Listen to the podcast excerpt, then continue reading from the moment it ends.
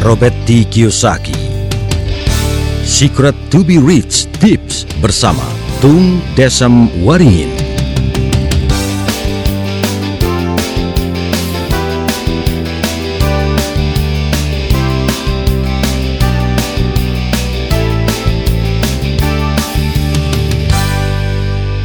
Tips keempat.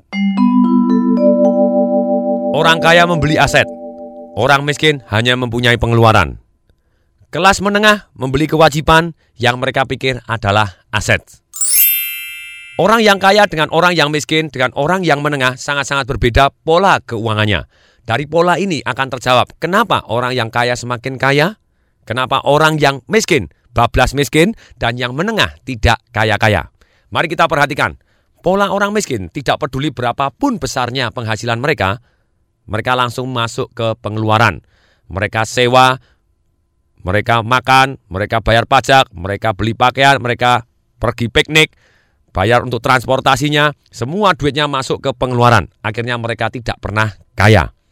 Salah satu contohnya adalah Mike Tyson. Ketika Mike Tyson punya duit berapapun, mereka masuk ke pengeluaran, pengeluaran, pengeluaran. Akibatnya Mike Tyson sampai hari ini malah punya utang yang begitu besarnya. Pola orang menengah. Ketika mereka mempunyai penghasilan, mereka sebagian masuk ke pengeluaran dan sebagian besar mereka masuk ke kewajiban. Yaitu masuk apa? Ke cicilan rumah, cicilan mobil, cicilan kartu kredit, cicilan furniture, cicilan ranjang, cicilan komputer. Mereka nyicil, nyicil, nyicil, nyicil terus. Sampai akhirnya mereka pada waktu tua, mereka masih punya utang yang mereka harus lunasin dan tidak pernah lunas. Karena utangnya terus bertambah besar dan bertambah besar. Sedangkan pola orang kaya adalah sangat berbeda. Ketika mereka terima pemasukan, sebagian kecil mereka masuk ke pengeluaran, pajak untuk makan, untuk ceritanya beli pakaian, hiburan. Sebagian besar mereka gulungkan masuk ke dalam satu yang namanya aset. Mereka beli saham, mereka beli rumah-rumah, kemudian dikoskan, disewakan. Mereka ngarang buku, mereka punya royalti, mereka jadi penyanyi atau apa pun yang mereka punya royalti atau mungkin masuk ke sarang walet atau mungkin mereka punya bisnis-bisnis yang akhirnya jalan dengan atau tanpa mereka.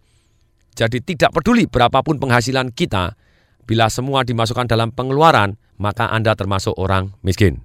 Pertanyaannya begini, sudah sekian tahun kita bekerja, pertanyaan saya, apakah yang ada di dalam rekening kita bertambah banyak atau tidak? Rata-rata orang mempunyai plafon atau mempunyai satu yang namanya batas imajiner. Entah 10 juta, entah 300 juta, entah 500 juta. Sepanjang tahun, sepanjang tahun berganti, 10 tahun berganti, batas imajinernya tidak pernah tembus. Itu adalah kebiasaan orang miskin. Tapi kebiasaan orang kaya, batas imajinernya dia naik lagi, naik lagi, naik lagi. Dan setiap tahun uangnya terus bertambah banyak, bertambah banyak. Dan kenapa kok tambah banyak? Karena mereka gulungkan ke dalam satu yang namanya aset yang akhirnya menghasilkan income atau passive income untuk mereka sendiri.